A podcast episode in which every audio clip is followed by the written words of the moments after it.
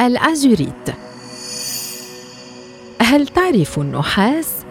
معدنية النحاس الأصفر؟ هذا أنا.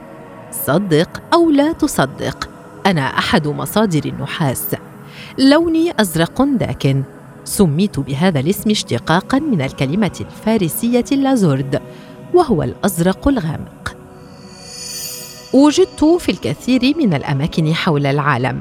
في الولايات المتحدة والمغرب العربي وفي قارة إفريقيا وأستراليا. واستعملت عادة في مجال فنون الرسم وفي صنع حجارة الفسيفساء. ومع هذا الانتشار الكبير إلا أنني أعد نادرا نسبيا فأنا أتواجد بين الصخور الكلسية وترسباتها. بالتالي يمكن أن أختلط مع العديد من المعدنيات الأخرى. لوني الأزرق المميز هذا بسبب النحاس ويمكنني وفقا لدرجة الرطوبة أن أتحول إلى الإهنج الأخضر.